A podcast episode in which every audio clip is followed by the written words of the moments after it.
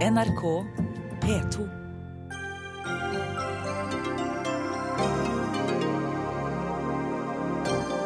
Tusenvis av demonstranter i Oslo sentrum for å vise avsky mot IS. Høyt tempo i oljepolitikken sikrer klima, velferd og arbeidsplasser, sier Høyres Nikolai Astrup. Farlig med høy fart på en så usikker vei, svarer miljøorganisasjonen Zero. Mer konkurranse i sykehussektoren er sunt for både leger og pasienter, mener Konkurransetilsynets direktør. Hun vil ha slutt på sammenslåing av sykehus. Og Nordens største åpne russcene, Nygårdsparken, ble stengt i dag. Problemene forsvinner ikke bare man jager bort brukerne, sier Foreningen for human narkotikapolitikk.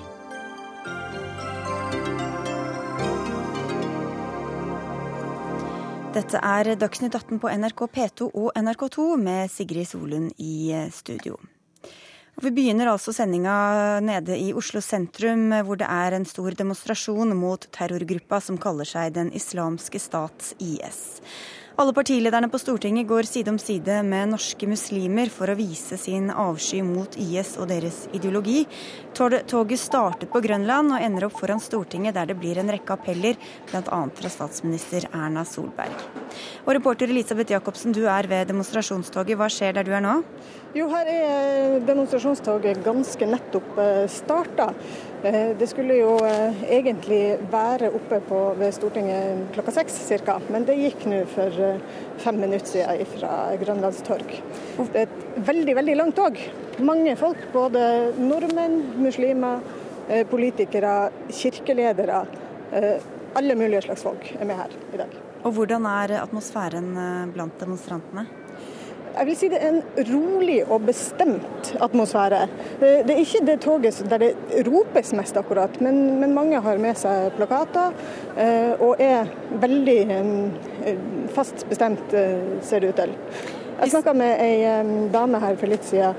Hun hadde hevet seg på toget da hun var ferdig på jobb for å komme fra Drammen og hit. Fordi hun forteller om at hennes far opplevde å se, se Eh, være øyevitne til, eh, til, at hans far igjen, altså hennes bestefar, ble halshøgd eh, da, i, i, forbindelse med første verdenskrig.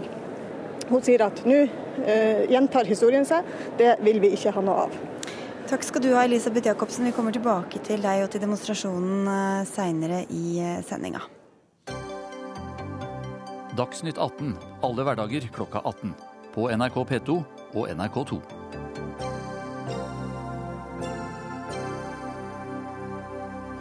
Hvor framtidsrettet er det å satse fullt på olje og gass for Norge i årene som kommer? Ikke spesielt, skal vi tro en kronikk i Dagens Næringsliv skrevet av deg, Marius Holm. Du er leder i miljøorganisasjonen Zero.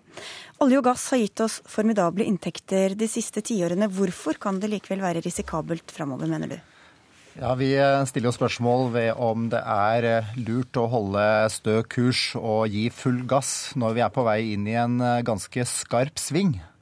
Fordi energimarkedet er jo nødt til å endre seg veldig kraftig de neste tiårene. Fordi vi skal fra fossil til eh, fornybar energi for å møte klimautfordringen. Og da må vi eh, tåle å ha debatt om Norges viktigste næring. Det er Hvis vi skal ta alle de ansatte i olje- og gassnæringen på alvor, så skylder vi dem og diskutere hva slags rammevilkår som på best mulig måte sikrer framtiden. Eh, eh, og jeg synes det er veldig rart at eh, alle spørsmålstegn som stilles ved norsk oljepolitikk, blir avfeid.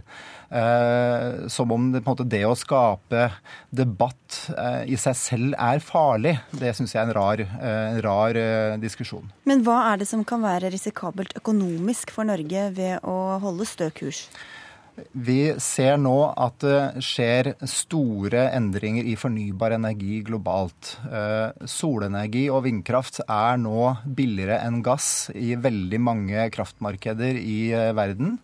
Eh, det vil fortsette. Det blir gradvis billigere med fornybar, og det vokser voldsomt fort. Eh, likevel baserer vi i Norge oss på eh, prognoser og scenarioer som forutsetter at fornybar energi ikke skal vokse mer, at det skal flate ut neste år. Eh, og Da risikerer vi å gå, på en smell når vi bygger ut de aller dyreste olje- og gassfeltene, de som er avhengig av at verden er villig til å betale en veldig høy pris for fossil energi for å tjene penger. Mm. Nikolai Astrup, du sitter ved siden av eh, Marius Holm. Dere har begge vært på oljemessa i Stavanger eh, i dag. Du er miljøpolitisk talsperson for Høyre. Og du er nevnt også i denne kronikken i Dagens Næringsliv fordi du selv har skrevet at lavere utviklingsgrad både er en dyr og en dårlig idé. Hva, hva sier du til det Holm sier? Vel, Jeg håper jo at Holm får rett i at eh, vi får en fornybar revolusjon, og at det går mye raskere enn det vi har forutsatt uh, i å få prisene ned og gjøre bl.a. sol- og vindkraft konkurransedyktig med fossil energi. Og jeg mener vi står på terskelen til et grønt skifte, som er veldig spennende. Men selv med en eksponentiell vekst i utviklingen av fornybar energi, så kommer verden til å være avhengig av fossile brensler i mange tiår fremover. Rett og slett fordi at energibehovet vokser så dramatisk mye, eh, så etter hvert som fremvoksende land eh, blir rikere. Det er bra, for energi er en forutsetning for vekst og velstand. Men eh, vi må sørge for at den blir så, så grønn som mulig, selvsagt. Og det er altså rom for norsk olje og gass i, også i et togradersscenario. I tiden eh, fremover. Men eh, Holm, du sier altså at vi er avhengig av en høy oljepris for flere av disse feltene for at de skal være lønnsomme. Hvorfor er det grunn til å tro at oljeprisen vil falle da? Ja, Det skyldes jo at verdens eh, etterspørsel vil begynne å flate ut. Den høye oljeprisen vi har nå, er jo basert på at, den skyldes jo at etterspørselen har vokst kraftig over veldig mange år. Nettopp pga. de fremvoksende økonomiene som løftes ut av fattigdom, som da begynner å, å, kjøre bil akkurat som oss. Men vi ser at den er i ferd med å flate ut. Og vi ser at verdens behov for olje sannsynligvis vil bli dekket av billigere olje enn de dyreste feltene vi bygger ut i Barentshavet. Og da må vi huske på at eh, når vi investerer f.eks. nesten 50 milliarder i et oljefelt som Goliat i Barentshavet, så, så, tar vi skattebetalere mesteparten av den regningen fordi eh, gjennom skattesystemet så, så, tar, så, så så vil over 80% av regningen bli trukket fra på skatt fra andre felt som er lønnsomme. Det er et oljefelt som, hvor man har eh, slått fast at man trenger rundt 100 dollar for å tjene penger. Og Det betyr at eh, selv med ganske små endringer i oljemarkedet, så, så, vil dette være en veldig dårlig investering. Og Det vil også gjelde mange andre felt, i, særlig i Barentshavet, men også i andre områder, som er avhengig av høy pris for å tjene penger. Og Når, når Astrup sier at vi selv med eksponentiell vekst vil trenge fossil energi, så er det selvfølgelig riktig. Men Norge, norske myndigheter, hans egen olje- og energiminister, baserer seg på et, en prognose som sier at det skal være null vekst i solcellemarkedet de neste 30 25 årene. Det er en helt urealistisk eh, forutsetning. Og det, og det å basere seg på prognoser som alle aktører som følger utviklingen på bakken, nærmest ler av, det, det syns jeg nesten grenser mot å være uansvarlig på skattebetalernes vegne. Astrup? Ja, hadde, vi gjort det som, eh, hadde vi gjort det som Marius Holm her sier, så er jeg helt enig med han, men det gjør vi jo selvsagt ikke. Og alle både håper og tror at det blir en vekst i fornybar energi, at kostnadene kommer ned, og at fornybar energi blir mer konkurransedyktig over hele verden. Men hvorfor skal skattebetalerne betale så mye på en kanskje risikabel og, og kan, La meg fullføre det resonnementet. For det kan hende at uh, noe av den oljen og gassen som ligger på norsk, norsk sokkel, er ulønnsom å hente ut etter hvert. Eh, men jeg mener Norge er spesielt godt rustet til å konkurrere på grønne vilkår, fordi vi allerede har den høyeste karbonprisen i verden, og fordi vi allerede har de strengeste miljøkravene i verden. Eh, og eh, så, så i en konkurranse der, der, der klimaet blir stadig viktigere, så vil norsk olje og gass kunne hevde seg godt. Og jeg mener det er veldig farlig hvis vi kommer dit at det er politikere som skal begynne å bestemme hva som er lønnsomt og ikke lønnsomt å hente ut. Vi legger rammevilkårene, og så må det være slik at det er aktørene i markedet som bestemmer hva som er lønnsomt. Men det er jo lønnsomt pga. de rammevilkårene, da? Ja, og det har tjent Norge veldig veldig godt eh, de siste 40 årene. Og det kommer til å tjene Norge godt også eh, i tiden fremover. Men det vi er nødt til å gjøre, er jo å bidra til at det blir mindre kull i den globale energimiksen, og at eh, vi får et grønt skifte innenfor fornybar energi. Der har Norge mye å bidra med. Og jeg mener at vi må bruke mer av avkastningen av oljeformuen vår til nettopp å omstille Norge og bidra til en omstilling ute. Der er du sikkert enig, Holm, men hva syns du om analysene til Astrup, da? Jeg er selvfølgelig enig i at vi må investere mer av overskuddet i fornybar. Det er vi nok enige om. Men nå er jo realiteten at vi investerer veldig mye av overskuddet fra det som har vært veldig lønnsomme oljefelt for Norge. At vi investerer de pengene i oljefelt som ikke er særlig lønnsomme. Og jeg tror heller ikke at politikere skal bestemme hva som er lønnsomt og ikke lønnsomt. Men nå har vi jo gjort nesten alt lønnsomt gjennom et skattesystem som gjør at eh, det å bore etter olje, det å bruke 800 millioner på en letebrønn, det er nesten uten risiko for eh, oljeselskapene som gjør det. fordi staten plukker plukker opp det meste av regningen. Og, og, og, så Sånn sett har vi nå lagt oss, et, lagt oss, på et system hvor det nettopp er politikerne som bestemmer, ved å ta så mye risikoen at nesten alt uh, blir uh, boret. Alt blir bygd uansett lønnsomhet. Det er fortsatt sånn at oljeselskapene tar en betydelig risiko, selv om staten også tar risiko. Det er jeg enig i. Og vi må huske på at oljeselskapene de investerer der avkastningen er høyest. Og hvis de tror at avkastningen er lav på et felt, Eh, til tross for eh, eh, de norske insentivene, så flytter investeringen sin et annet sted. Må, så, ja, også I det perspektivet så, så, mener jeg at uh, her er selskapene selv godt rustet til å ta, gjøre disse vurderingene. Vi må takke av dere, for vi skal slippe til en som sitter her i studio hos meg også. Eivind Magnus, du er uh, energimarkedsanalytiker uh, i Tema Consulting. Når du har hørt på disse to, hvilke utfordringer står Norge overfor, og hvilke risikoer vi tar ved den linja vi har lagt oss på? Det er jo, det er jo klart at uh, det skjer store endringer i energimarkedene, som er påpekt her, med fremvekst av uh, fornybar energi til stadig lavere priser. Det vil påvirke energimarkedene, oljemarkedet, gassmarkedet, kullmarkedet. Men det er også andre drivkrefter som også har betydning for prisutviklingen på, på olje og gass, som også er påpekt. Det som selvfølgelig er eh, det Norges dilemma, er jo at eh, olje, olje- og gassektoren er blitt veldig stor. Det er klart at Skjer det store brå skift i, i aktivitetsnivået, så er jo det en, en, risikofaktor som vi må forholde oss til. Mm. Og Noen av disse feltene det er snakk om, de skal jo operere, altså det er jo snakk om mange tiår framover.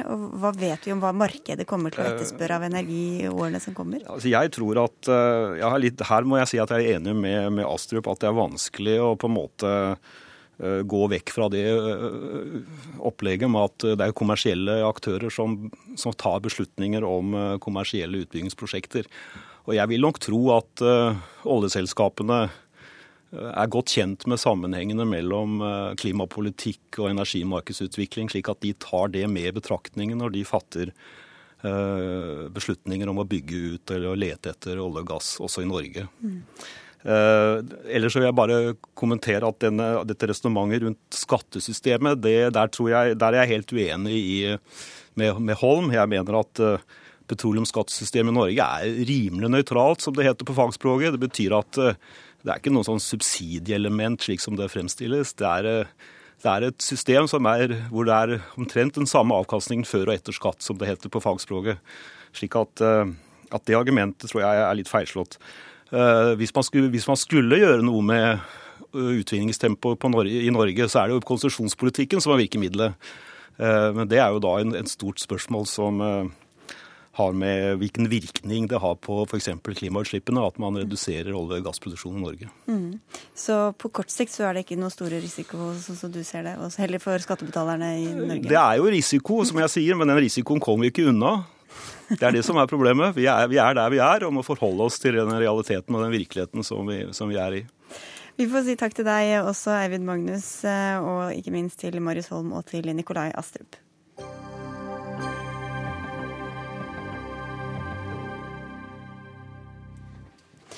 Snart her i Dagsnytt 18 spør vi om vi får råd til velferdssamfunnet i årene som kommer, men eh, før det til noe som er og blir en utgiftspost av de store, nemlig sykehusene. Og det haster med å gjøre et opprør mot de norske mastodontplanene i de statlige helse- og utdanningssektorene. Det skriver du, Kristine B. Meyer, du er direktør i Konkurransetilsynet, og du skriver dette i en kronikk i Dagens Næringsliv i dag. Og hva mener du med det? Det jeg mener er at eh, vi i for liten grad er opptatt av hva som er det beste for pasientene eh, når sykehus eh, slår seg sammen.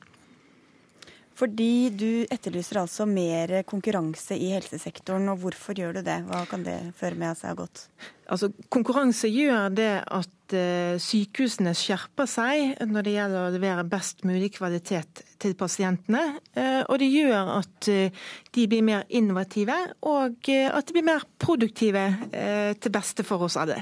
Hvordan vet du at denne sektoren eh, fungerer på samme måte som f.eks. Eh, klesbutikker eller kiosker eller dagligvarer eller hva det skal være?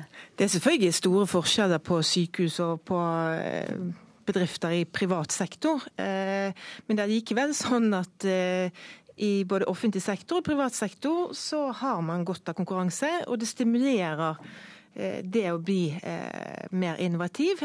Og det gjør at pasientene kan velge eh, mellom ulike tilbud.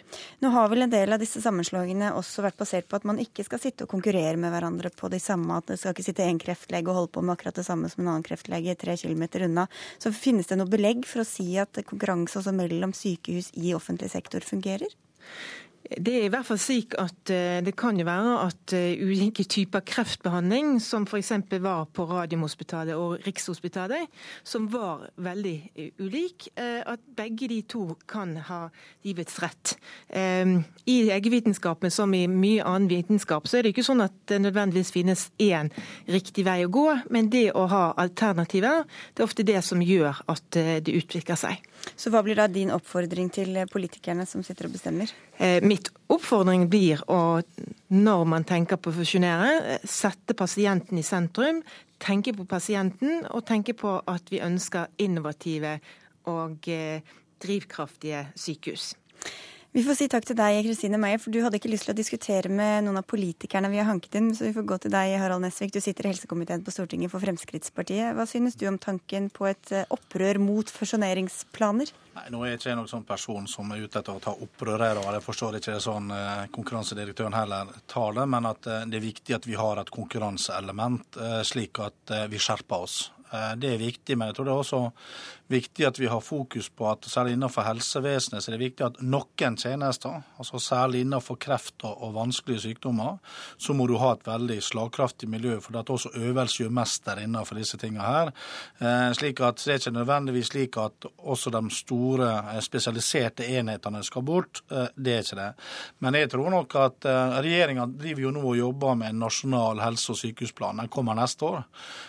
Og da det jobbes bevisst med flere av disse tingene. Det jobbes bevisst med hvordan kan vi få med oss eh, flere også av de private helseinstitusjonene og sykehusene inn i den totaliteten, nettopp for å kunne være med å behandle pasienter. Hvordan kan vi gjøre enda mer nytte ut av de eh, private eh, spesialistene som, som er der ute, bl.a. Så det er mye som, som, gjenstår. Og jeg legger heller ikke skjul på at organiseringa med regionale helseforetak ikke har vært noe ubetinga suksess.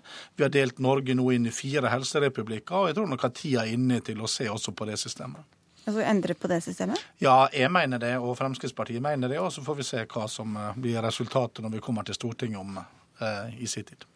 Kjersti Toppe, du sitter i helsekomiteen for Senterpartiet, og du er også positiv, har jeg forstått, til mer konkurranse. Men eh, er det med den samme innfallsvinkel som Nesvik her?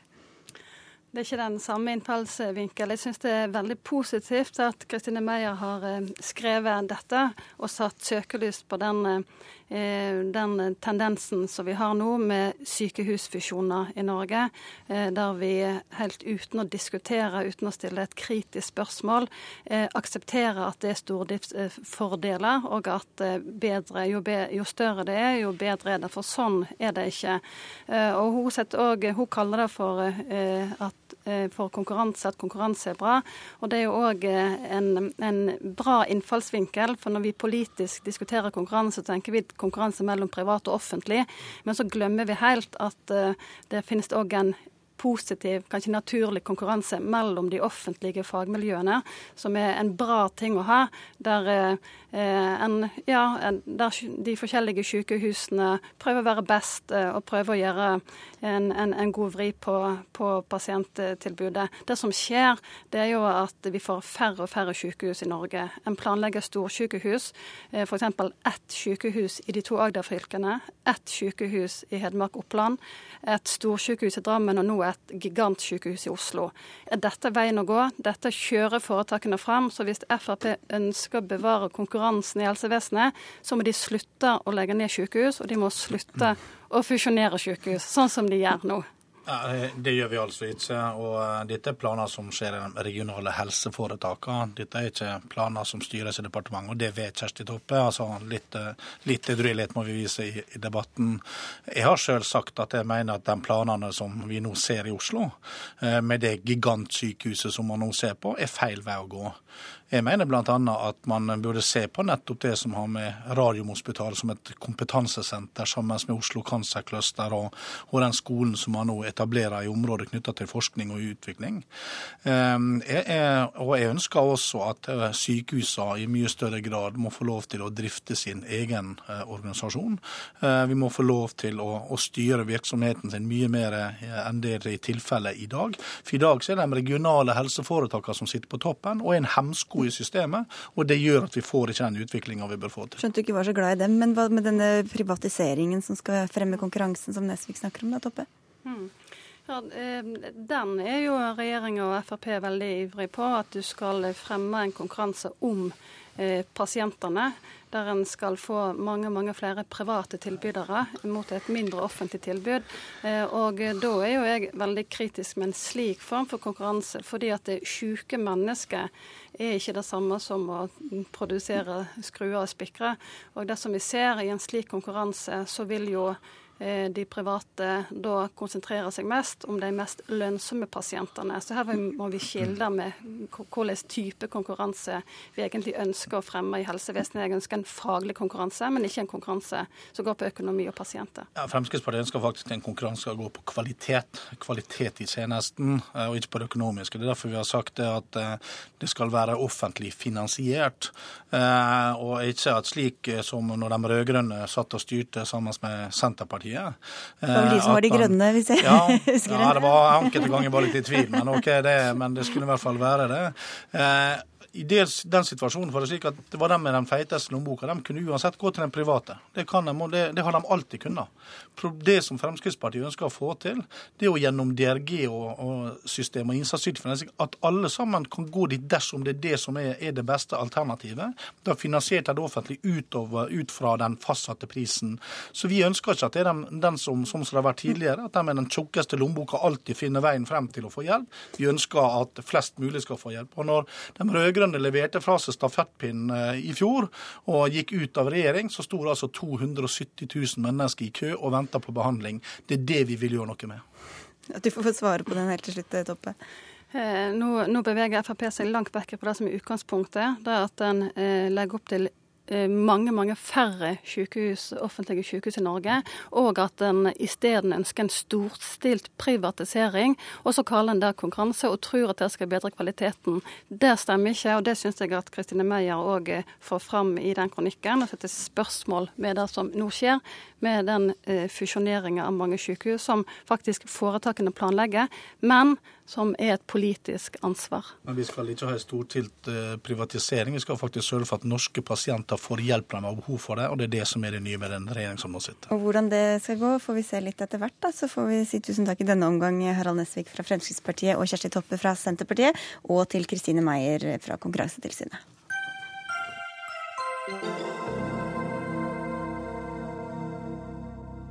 Har vi råd til framtiden, spør den liberalkonservative tenketanken Civita i en ny pamflett som ser på utfordringene for velferdsstaten framover.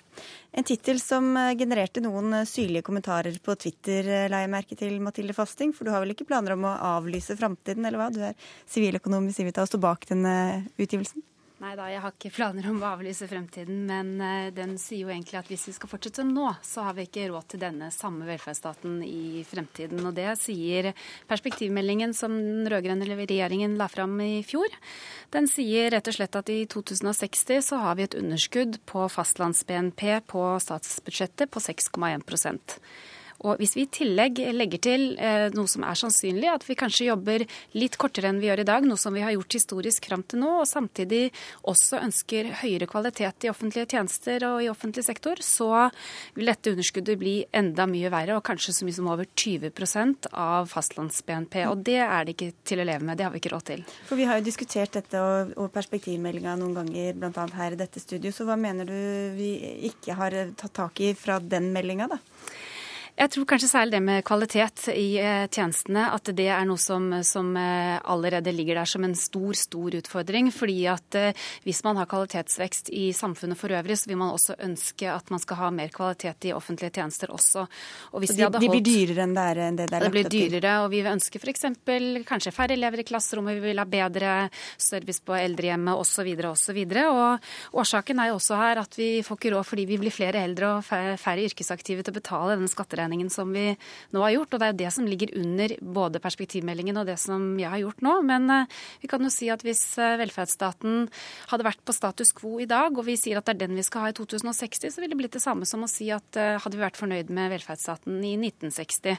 Og det tror jeg ikke folk ville være. Jeg tror man vil forvente en kvalitetsvekst, og det har da altså ikke perspektivmeldingen tatt hensyn til. Og det syns jeg vi må diskutere, fordi at det kommer til å skje. Kirsti Bergstø, du sitter i arbeids- og sosialkomiteen på Stortinget for SV. Hva synes du om resonnementene fra Fasting? Jeg er vel enig i at kvalitet koster. Eh, der er vi enige. Eh, og så er det sånn at Civita med eh, jevne mellomrom prøver å lage debatter som, som sier at vi ikke har råd til framtidas velferdsstat, eller prøver å lage regnestykker som, som viser at det blir for dyrt. spørsmålet er jo hvordan fordelinga skal være i, i fremtida. Fordi i denne perspektivmeldinga så sier man jo også at vi skal få omtrent fire ganger eh, mer eh, privat eh, forbruk, hver og en av oss. Eh, og det er jo klart at, eh, at det viser også at vi har råd til velferd hvis vi fordeler riktig. Og da er jo spørsmålet den store debatten vi må ta. Det er jo hvordan man fordeler mellom arbeid og fritid, og hvordan man fordeler mellom skatte og, og velferd. Fordi det, det den regjeringa vi har nå gjør, det er jo også å bruke oljepenger på også, eh, å finansiere skattelette. Og det er lite bærekraftig.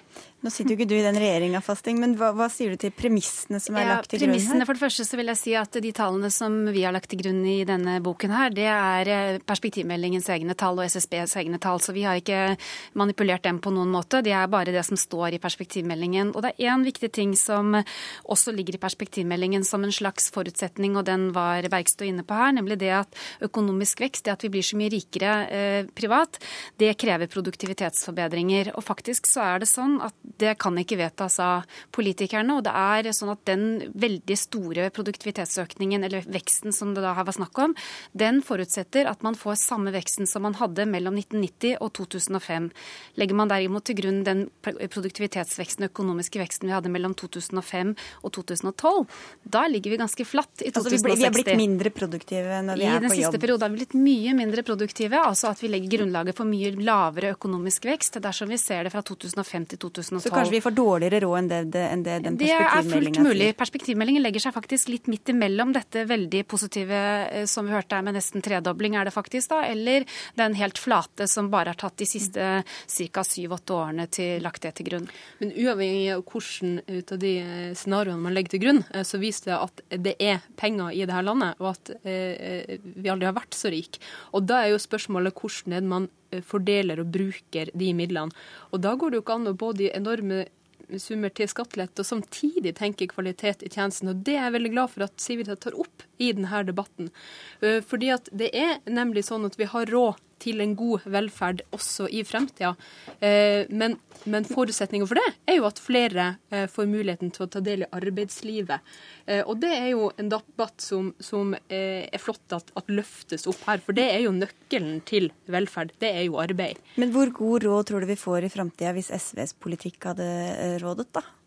Ja, da tror jeg jo at vi, vi ikke bare får Sekstimersdag og ja, og, Men det er jo bevisst valg. Altså Velferdsstaten vi har i dag, det er jo helt bevisst valg. Eh, og det å forbedre velferdsstaten vil jo også være et bevisst valg. Den største trusselen mot velferdsstaten i dag, det er ikke velferdsstaten sjøl, det er høyrepolitikk. Som kjører på skattelette og privatisering. Mm. Men hvis vi skal få et arbeidsliv der flere, flere får plass, eh, ja, så må vi jo eh, ikke eh, godta regjeringa sin brutalisering av arbeidslivet med de forslagene som de har lagt eh, på endringer på arbeidsmiljøloven.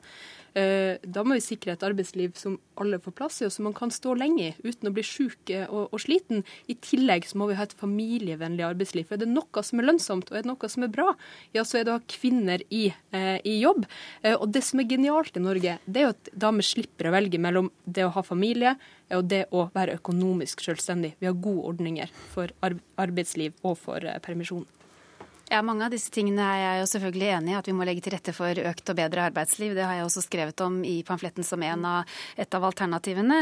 Det andre som du nevner er også skatt. Og der er jeg nok sånn at eh, hvis man f.eks. beholder dagens skattenivå, så vil vi måtte øke de skattene på inntektsskatten fra nesten 40 til 60% bare ved å ta hensyn til de demografiske endringene som ligger fremover. Altså ikke ta hensyn til kvalitetsveksten. Og det sier seg selv at hvis vi i tillegg legger inn at vi vil ha litt kvalitetsvekst, så blir den skatteprosenten på inntektsskatten vår mye høyere enn 60% Og Da kommer vi opp i en debatt hvor vi spør om, og sånn som jeg også skriver i dag, økte skatter er ikke nok. Så vi er nødt til å se på en, en fordeling av hvordan vi gjør dette. Og det er helt riktig som hun sier, skatt og arbeid henger sammen.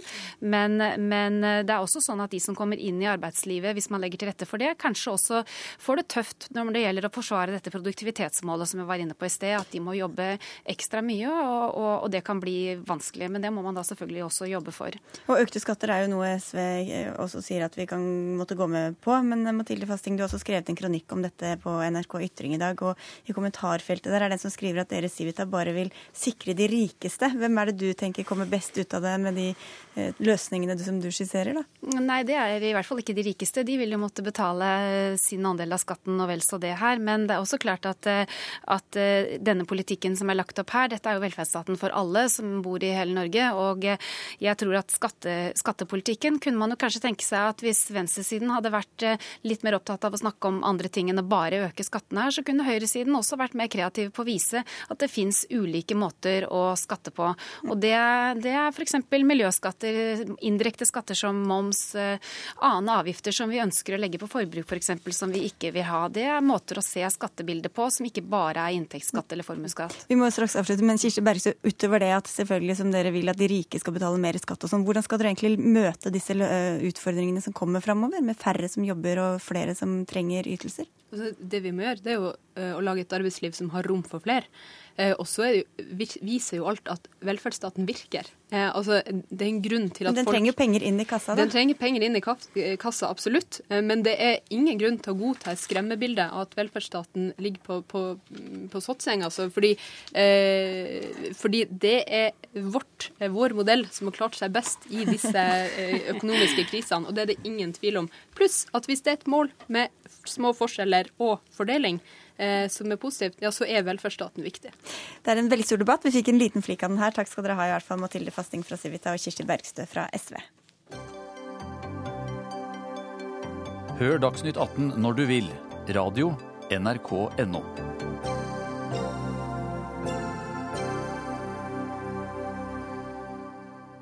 Nygårdsparken i Bergen, en av Nord-Europas største områder hvor rus selges åpent, ble sperret av i dag.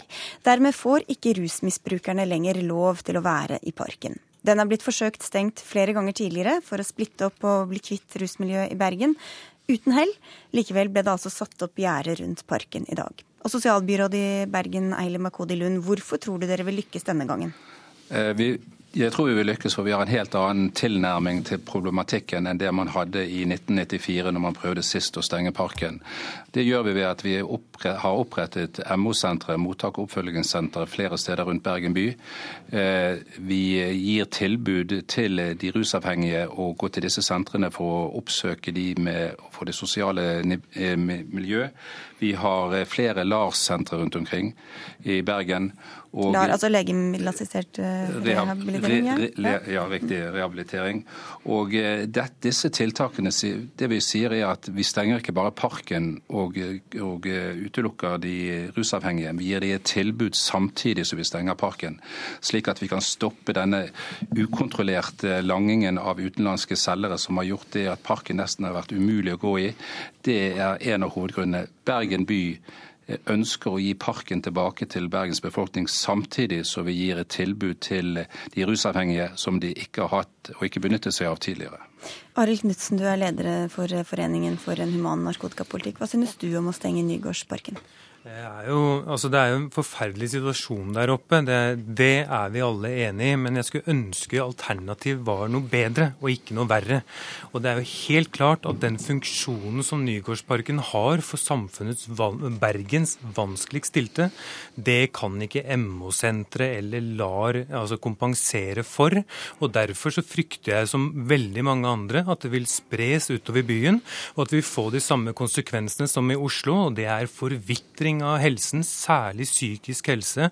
Det er en økning i rekrutteringen til miljøet, og ikke minst at det har kommet enda flere stoffer som import av tabletter sprøyter og kokain og sånn blir etablert på gateplan. Men hva var det positive ved Nygårdsparken som, altså, som den funksjonen som du nevner? Hva var ja, den funksjonen? Det kan man jo diskutere man, om man syns det er positivt. Men ved undersøkelser i Oslo så har man sett at uh, ved siden av det å få tak i det man er avhengig av, som man selvsagt også kan få tak i andre steder, derfor er ikke det nødvendigvis liksom første, den viktigste grunnen, så er det det at dette er de utstøtte, Bergens pariakaste. De har ingen tilhørighet noe annet sted, og opplever veldig å være uønsket pga. hvordan de ser ut og pga. deres problemer. Det er jo derfor de står oppe i parken. Så, så vel så viktig som å få tak i stoff, er jo det å kunne komme til et miljø hvor noen ser deg, altså respekt, ikke bare ser deg, men sier navnet ditt, gjenkjenner deg, og et sted du føler at du hører til.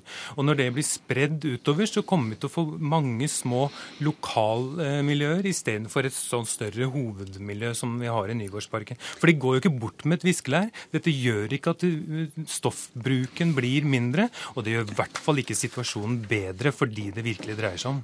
Hvordan vet du at eh, det ikke bare flytter seg til mange andre steder i byen med Kodi Lund? Eh, det vet vi ikke. Det vi vet er at vi har undersøkt hva hva man gjorde i Zürich og Lisboa, og tatt de erfaringene de hadde eh, og gjorde når de, når de lukket de åpne russcenene. Eh, politiet har en innsatsstyrke her i Bergen på elleve personer som utelukkende skal følge etter de rusavhengige, se hvor de samler seg og sørge for at det ikke blir nye russcener. Og jeg må si, tar litt avstand fra de kommentarene som kom at man skal beholde Nygårdsparken. Hvis vedkommende hadde vært i Nygårdsparken, så er det man hadde sett som man kaller på Bergen, bergensk, vært der mange ganger. en stor bosshaug eller en søppelhaug. Forferdelige områder. Det vi gjør nå, vi gir de rusavhengige et nytt tilbud. Et tilbud som skal være varig, og som kan benyttes av de eh, ca. 200 rusavhengige som vi har identifisert i Bergen. Det er veldig stor forskjell på hjelpetiltak og det å drive og jage folk rundt og straffe dem med bøter, bortvisning og fengsling. De, de to tingene står i kontrast til hverandre og bør ikke, bør ikke på noen måte sammenlignes. Vi, vi, gir ikke bøter eller kaster vekk. De, de vi gir bøter og de vi kommer til å utvise, er narkotikalangerne. De rusavhengige er våre medmennesker. Vi skal ta vare på de og sørge for at de får et mye bedre liv enn det de har hatt hittil. Under må, busken i Nygårdsparken. Vi må få inn også Erling Pedersen, du er direktør for stiftelsen Bergensklinikkene. Hvilken virkelighetsbeskrivelse kjenner du deg best igjen i her? Nei, Alle i Bergen kjenner seg igjen i den virkelighetsbeskrivelsen som er av Nygårdsparken, som gjennom 25 år har utviklet seg til å bli verre og verre, og til å bli mer og mer eh, preget av vold og uro og eh, nedverdige situasjoner for de rusmiddelavhengige. Så Sånn sett er det veldig bra at man nå går inn og setter i gang en plan som skal gi eh, et bedre tilbud til de tunge rusmiddelavhengige, og som skal ivareta alt det som også eh, Arild Knutsen så riktig sier, ikke ble ivaretatt i Oslo. Og Så gjenstår det jo å se da om denne planen er slik at han ikke kaster barnet ut med badevannet. For det er det alltid en fare med, og det har vist seg gjennom år, år, også i de andre byene som har prøvd dette og lykkes etter hvert, at de må prøve å feile litt. Og Der tenker jeg jo at vi fagfolk og vi som jobber innenfor dette feltet, må bistå Bergen kommune og politiet med å gjøre en best mulig jobb når de nå setter i gang, eller setter i gang i dag. Men hvorfor har ikke du Knudsen, tro på at de tiltakene holder, da, som de har satt i verk for å ta imot de som hang i parken før? Jeg blir jo litt frustrert når jeg hører at det nå skal det komme hjelpetilbud. Dette problemet har vært i Bergen i så mange år, og alle har vært så enige om at vi skal hjelpe. Og dette er ikke, det dreier seg ikke om hjelp, dette dreier om man jager vekk. Det har stått i avisen at de skal uh, kjeppjages vekk derfra. Og det en, dette virker mot sin hensikt. Dette gjør at folk får forverra situasjon. Over overdosefaren vil øke fordi man må skynde seg mye mer og ta større risiko. Og når man føler seg mindre ønsket og har en verre livssituasjon, så vet vi at man blir mer høydosert. Så da får vi mer av det meste vi egentlig vil ha mindre av. Dessuten så er det jo slik at elleve politifolk med all volds-, vinningskriminalitet, voldtekter, overfallsvoldtekter i Bergen og omegn, dette er nedprioritering. Vi vet hver gang det kommer politiaksjoner, like etter så kommer det oppslag om nedprioritering av volds- og vinningskriminalitet og nedprioritering av alvorlig narkotikakriminalitet. Og det som virkelig trigger, det sa jo sosialbyråd Lund, en av de viktigste grunnene det er det med utenlandske selgere. Vi har gått fra kriminalisering av å sove ute, fra løsgjengerlover, begynt å hjelpe mer og mer. Når vi har sett at det har kommet når det er utlendinger der, så blir det mer politi og mindre sosialfaglig og helsefaglig innsats. Og det er fryktelig trist. Hva svarer du til det, Lund? Jeg svarer det at Arild Knutsen bør komme en tur til Bergen og se hva vi virkelig gjør. Vi kjeppjager ingen ut. Vi bare avstenger enkelte områder i Nygårdsparken for rehabilitering. Vi tilbyr eh, undervisning og utdeling og, og, og av nesespray som motgift. Vi anbefaler at man skal røyke heroin istedenfor injisere heroin. Og jeg, nå snakker jeg. Og elleve politifolk er dedikert til dette. De skal ikke gå etter voldtekt eller innbrudd. Det er kun rusavhengig. Det er å ta de som selger eh, ulovlige stoffer. Det er det deres hovedoppgave. Jeg har stor tiltro til at det politiet i Bergen har planlagt, og det vi gjør sammen, Helse Bergen, politiet og Bergen kommune, vil ha den positive effekten. Men spørre deg også, Pedersen. Tror du, eller Har du tiltro til at de narkomanene blir fulgt opp godt nok eh, med den planen som er lagt? Vi hører jo det at Bergen kommune eh, skjeller til Zürich, og fagrådet, hoved, hovedorganisasjonen innenfor rusfelt, som jeg også leder, var i, på en studiereise med medlemmer i sommer og så på Zürich-modellen. Og De greide jo å snu Needle Park til et eh, system og til en modell som var til beste for rusmiddelavhengige. Og Det som kanskje var det viktigste der, og ble sagt var det viktigste, det var jo boligdelen av denne planen. Og Det var også det viktigste for brukerne. Og det er litt sånn undrende til, kanskje, eller litt sånn spørrende til, har det vært en skikkelig kartlegging blant brukerne i Nygårdsparken i disse årene og frem til denne planen nå ble en realitet? Vet man hva de trenger, og er man i stand til å møte dem med de tilbudene de trenger, både sosialt, helse og livsmessig, for å få til den endringen som må til? Da må du svare helt kort på det, Lund, på slutten her. Eh, vi har styrket tilbudet om bolig og booppfølging, og det kommer vi til å fortsette med. Vi vet at å ha en fast bolig er noe av det viktigste de rusavhengige kan få tilbud om, sammen med MO-sentrene for å få den sosiale nærheten til andre rusavhengige, så kan vi oppnå det som Pedersen her sier. Så må jeg få lov å si til slutt at det, det viktigste poenget her i Zürich det var jo at de også i disse MO-sentrene hadde brukerrom, sånn at man kunne sette sprøytene sine og den avhengighetsheroinen i, i ordnede omgivelser og komme i kontakt med et miljø som også kunne påvirke de til endring. Det mangler i denne planen, dessverre. da får vi se om det kommer etter hvert. Arild Knutsen får vise litt tålmodighet. Og så har du kanskje forståelse for de som bor i nærheten av Nygårdsparken, at noen der er eh, letta i dag? I høyeste grad, men så blir det jo noen andre som da blir rammet når det flytter seg. Og det er en vesensforskjell. Jeg har vært mye i Bergen, jeg har også vært i Sveits. Og det er en vesensforskjell på Sveits og de byene som har fått det til. Og her i Norge, det er at politiet ikke kriminaliserer, men driver med atferdsregulering. Og derfor også har mulighet til å utvikle skadereduksjonstiltakene med heroinutdelingssentre og den slags. Takk skal dere ha i hvert fall, Arild Knutsen fra Foreningen for human narkotikapolitikk, til Erling Pedersen fra Stiftelsen Bergensklinikkene og til Eilim Makodi Lund, som er sosialbyråd i Bergen.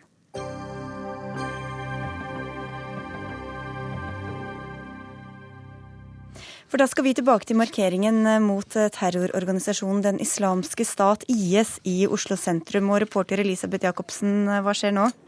Jo, nå har eh, toget omsider kommet inn på Eidsvolls plass eh, foran Stortinget, og appellene er i gang. Eh, her blir eh, parolene fra toget utdypa, og eh, de som holder appell, de snakker om at vi står sammen mot terror og sammen for fred. Og at man ikke kan ta sterk nok avstand fra IS og metodene deres. Linda Al-Sagari, du er daglig leder i tankesmia Minotenk, og du er blant dem som har vært med på å arrangere demonstrasjonen. Hva er det ved IS og Ubaydullah Hussain, som, ble, som støttet dem, altså en norsk eh, islamist, eh, som har engasjert så mye? Jeg tror det har, toppet seg litt. Altså at nå, nå, synes mange at nok er nok. Vi har jo eh, slitt med, med uttalelser fra profeten Summa i et par år nå i offentligheten. Og særlig da med det lange intervjuet forrige helg, så, så tror jeg mange følte sterkt behov for å si nei, det her er ikke akseptabelt i, i vår religionsnavn.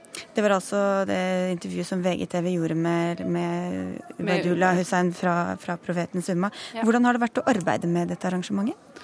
Eh, det har vært eh, eh det har vært bra, eh, og det har vært veldig positivt at eh, det i den siste tiden har sluttet seg til så mange store organisasjoner. Eh, og det har jo da ført til at det kom såpass mange som det gjorde nå, så det har vært veldig positivt. Og En av dem som har dukket opp er deg, Hadia Tajik. Du er stortingsrepresentant for Arbeiderpartiet. Hvorfor ville du vise og støtte denne markeringen? Jeg er av, av, to grunner. Det ene er at jeg er her som politiker. Jeg mener at det er et eh, felles ansvar vi har som samfunn å vise hva slags samfunn eh, vi ønsker å ha. Og vi står sammen eh, mot hatideologi og hatytringer.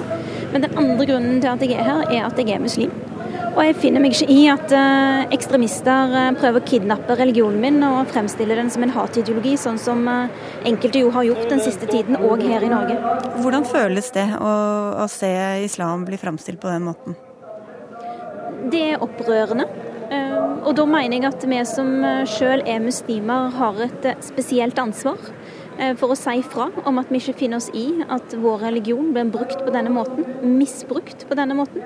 Eh, både for eh, å være gode forbilder for den oppvoksende generasjonen, men òg fordi nettopp ved at det er en bredde av muslimer i dag som står sammen her foran Stortinget, og ikke minst unge norske muslimer som har arrangert denne demonstrasjonen, så viser man jo òg for nordmenn flest at det er veldig stor forskjell på det store flertallet av norske muslimer og den, det lille ekstremistiske miljøet som finnes her i Norge, men som vi likevel skal ta på alvor og konfrontere. Altså Gari, hvilke problemer har eh, noen av de unge muslimene støtt på når de har ønsket å vise tydelig avstand mot IS og mot profeten Summa? Det er klart det at det ligger i sakens natur når man konfronterer ekstremister, at man også blir eh, møtt med eh, ekstremistisk tankegods tilbake. Eh, så det er klart at det gjør det tøft å, å, stå opp mot det, men det gjør det ikke desto mindre viktig. fordi at eh, hvis vi skal vinne, vinne, denne kampen, så må vi være like iherdige som eh, de som kjemper for, for ISIS og, og, for den type ideologi. Så det er dessverre det, er, det, det, vil, det, vil, koste, og den kampen har jo bare akkurat startet. Dette her er veldig, en veldig bra start, men det, er jo, det harde arbeidet ligger jo nå framover foran oss. Men Hva slags ting er det folk har opplevd, da? Det har jo vært eh, trusler og, og, mye hat eh, og hets, eh, men det har også vært massiv støtte. Og jeg tror den mobiliseringen hvor man nå ser at man har moskémiljøene bak seg, man har det norske storsamfunnet bak seg, at det vil gi en veldig motiverende kraft til å jobbe videre med dette her. Ja, det er jo mange politikere og mange andre som har dukket opp. Hadia Tajik, Erna Solberg skal snart tale. Hva er det folk sier i appellene der nede, da?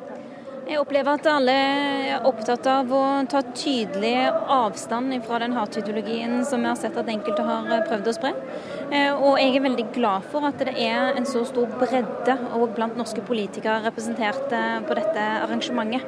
For selv om initiativet da kommer fra unge norske muslimer, så er det fint å se at det budskapet om å stå sammen mot hatideologi, at det er noe som gir gjenklang hos folk flest og norske politiske partier flest. Mm. Eh, altså Gari, det er jo fra tid til annen eh, blir muslimer påkrevd å ta avstand fra ting. Og, og, mange har jo sagt at de er litt lei av at liksom, de skal ta avstand fra selvfølgeligheter. Hvorfor er det annerledes denne gangen? Jeg tenker jo det at eh, det viktige her er at vi viser at vi står sammen som samfunn. At det er det som er det viktigste signalementet her. Og selvfølgelig må, parallelt så skal vi også jobbe med at muslimer skal bli sett på som alle andre. For det er egentlig ikke riktig at muslimer skal måtte stå til ansvar for, for hva muslimer gjør rundt omkring i verden. Men dette her er en litt spesiell situasjon ved at det er muslimer her i Norge som påstår at de taler for muslimer. Og dette her er også en, en terrorgruppe som også bruker islam i, faktisk i sitt eget navn. Eh, så det gjør at det er selvfølgelig i alle muslimers interesse å, å ta så kraftig avstand som mulig fra, fra, slike grupper. Og Det er jo eh, selvfølgelig gjelder en liten gruppe, Hadia Tajik, men hva slags påvirkning tror du unge muslimer kan føle fra noen av disse ekstremistene, enten privat eller i media? da? Det vi jo vet er at 50 personer har dratt til Syria for å bli fremmedkrigere der. Inspirert bl.a. av den hatideologien som ISIL representerer. Og det vi må huske, er at rundt hver person som ytrer seg ekstremt, så kan det stå fem, seks, sju, åtte personer som ser opp til vedkommende, som syns at han er kul. Som lar seg inspirere og bevege av det som blir sagt, eller de tingene som han eller hun da gjør. Og det er veldig viktig at vi da ikke bare mobiliserer så sterkt mot de som ytrer seg ekstremt i dag, men at vi òg mobiliserer sterkt som samfunn for å forebygge at de som står rundt disse disse menneskene, og som kan bli forført av den hatideologien som de forfekter. At de blir fanga opp tidlig nok til at de eh, ikke lar seg rive med av dette. Og Hvordan kan man da forebygge denne ekstremisten Linda Alsagari? Det er flere. Ja, jeg, jeg, hører med Alsagari her også. Ja. Eh, ja, det er det som er det viktige fremover nå. Og vi må jo også huske at dette her kommer ikke til å være et problem som vi kan bli ferdig med eh, med det første. fordi at det vil komme Det er veldig store kull med ungdommer som, som, vokser opp, og særlig i, i visse bydeler i Oslo, hvor, hvor faktisk eh, eh flesteparten er eh, under 18 år. Så vi har veldig store ungdomsmasser som vi må være veldig forsiktige med ikke skal bli Eh, forført av, av, disse gruppene. Og som Hadia er inne på, det er faktisk eh, ja, vi har disse få personene som markerer seg i offentligheten, men vi kan også være sikre på, og det ser man jo også hvis man følger med disse her på sosiale medier og der hvor de befinner seg, at det er også folk rundt dem. Og det er veldig viktig å, å forhindre at det blir flere enn det det allerede er. Og Hva er da løsningen, tror du, Hadia Tajik? Det er flere ting som må bli gjort, eh, og jeg mener at man må forfølge to spor. Det ene sporet er at eh, de som i dag lefler med ideen om å eh, å bryte norsk lov. Det er f.eks. ikke lov å aktivt delta i en terrororganisasjon, heller ikke i utlandet. At de opplever det får konsekvenser for de, at de blir straffeforfulgt, at de får fengselsstraff for det. Men det andre sporet er forebyggingssporet. Det er like viktig og like vanskelig. Og Det handler om å fange opp unge mennesker tidlig nok. Mm. Og det vi må huske er at Dette har det norske samfunnet klart før. På 90-tallet så klarte man å bryte opp nynazistiske miljøer nettopp ved å forebygge, gripe fatt i ungdommer som var i randsonen av disse miljøene. Eh, ved å ha bekymringssamtaler med politiet. Jeg mener jo òg at man eh, bør se hen til eh, arbeidsmetodene i, Danmark, der man kobler på sterke mentorer som sjøl gjerne er muslimer, og som kan være gode sparringspartnere og forbilder for en del av disse ungdommene. Få de ut av de miljøene. Det er et vanskelig arbeid, det er et langsiktig arbeid, men det er et høyst viktig arbeid. Takk skal du ha, Hadia Tajik, med fra markeringa der appellene fortsetter, og der Erna Solberg etter hvert også skal gå på på talerstolen. Og tusen takk til deg, Linda Asagari, for at du kom til Dagsnytt 18.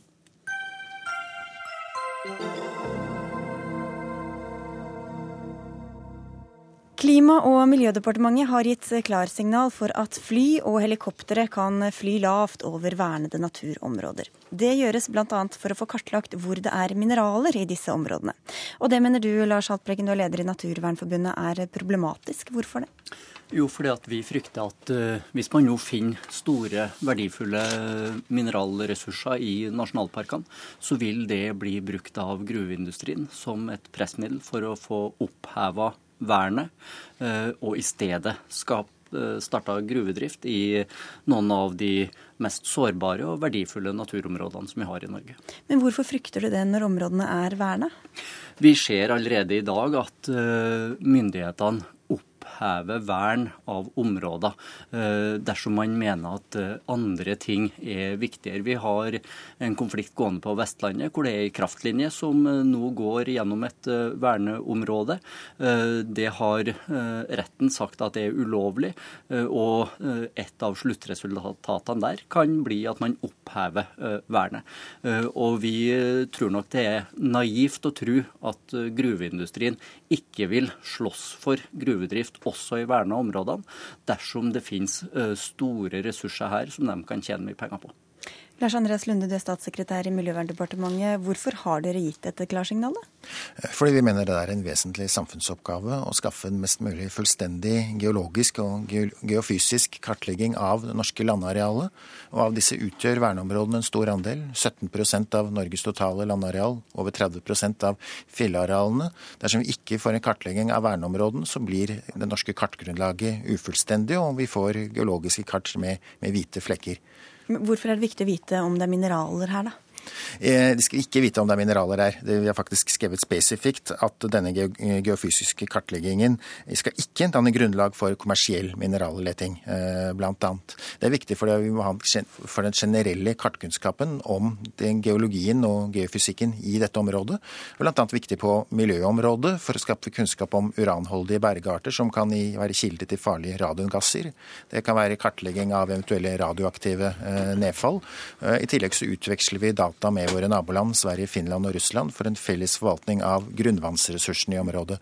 Dette er viktig for å kartlegge det geologiske naturmangfoldet, som kunne gi en bedre forvaltning av verneområdene, akkurat som det er viktig å ha kunnskap om det biologiske naturmangfoldet, som også Naturvernforbundet er opptatt av. Ja, Er det fortsatt noe å være redd for da, Haltbrekken? Ja, helt klart. For det er nettopp dette som vi mener er ganske naivt, når man sier at dette skal ikke danne grunnlag for kommersiell utnyttelse av disse fjellområdene. Vi har ingen tro på at bergindustri oljeindustrien eh, kommer til å sitte stille og tvinge tommeltotter dersom man ser at her er det muligheter eh, for omfattende gruvedrift. Hva slags gruver er det, eller mineraler er det snakk om? Det kan være kobber, det kan være gull. Det er mange ting eh, som kan skjule seg. Og det er helt riktig, ja, vi vil få et dårligere kartgrunnlag over de geologiske ressursene i Norge, men det er mer verdifullt å sikre at disse naturverdiene tas vare på for all framtid, som nettopp var hensikten. Eh, og Det var jo derfor også at eh, nasjonalparkstyret, det lokale styret som da er satt til å forvalte en av nasjonalparkene, eh, Stabbursdalen i Finnmark, i fjor sa nei til denne overflyvninga og denne kartlegginga.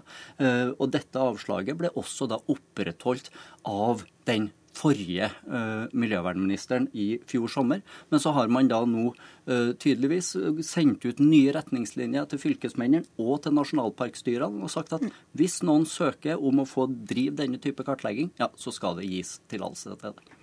Kunne man ikke laget bedre kart uten å sjekke akkurat mineralforekomsten?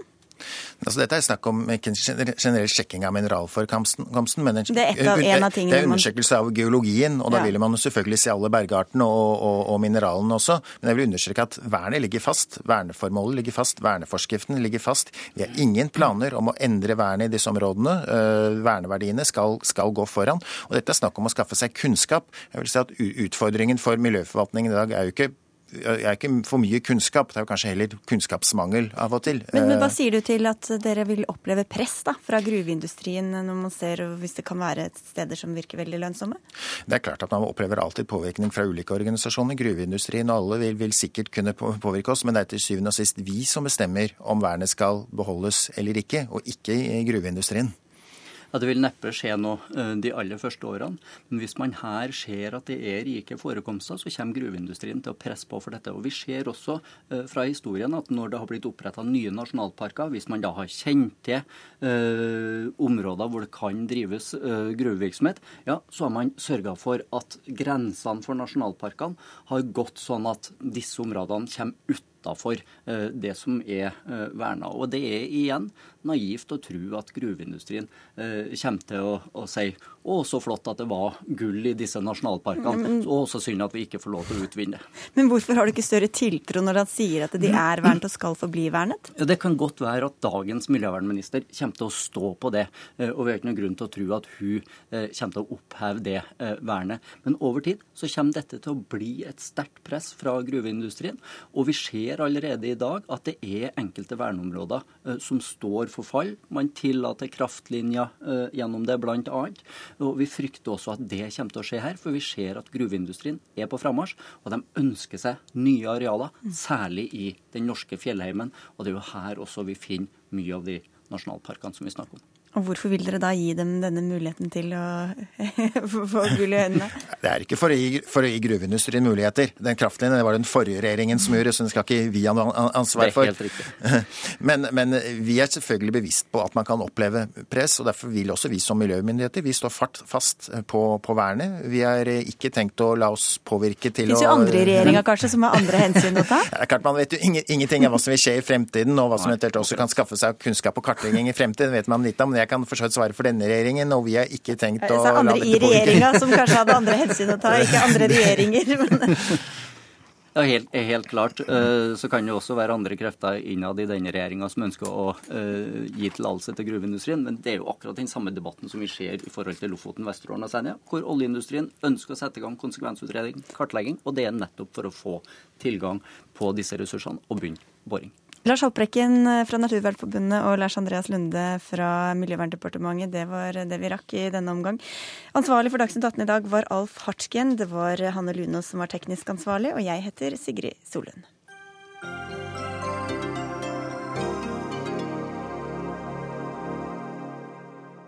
Hør flere podkaster på nrk.no podkast.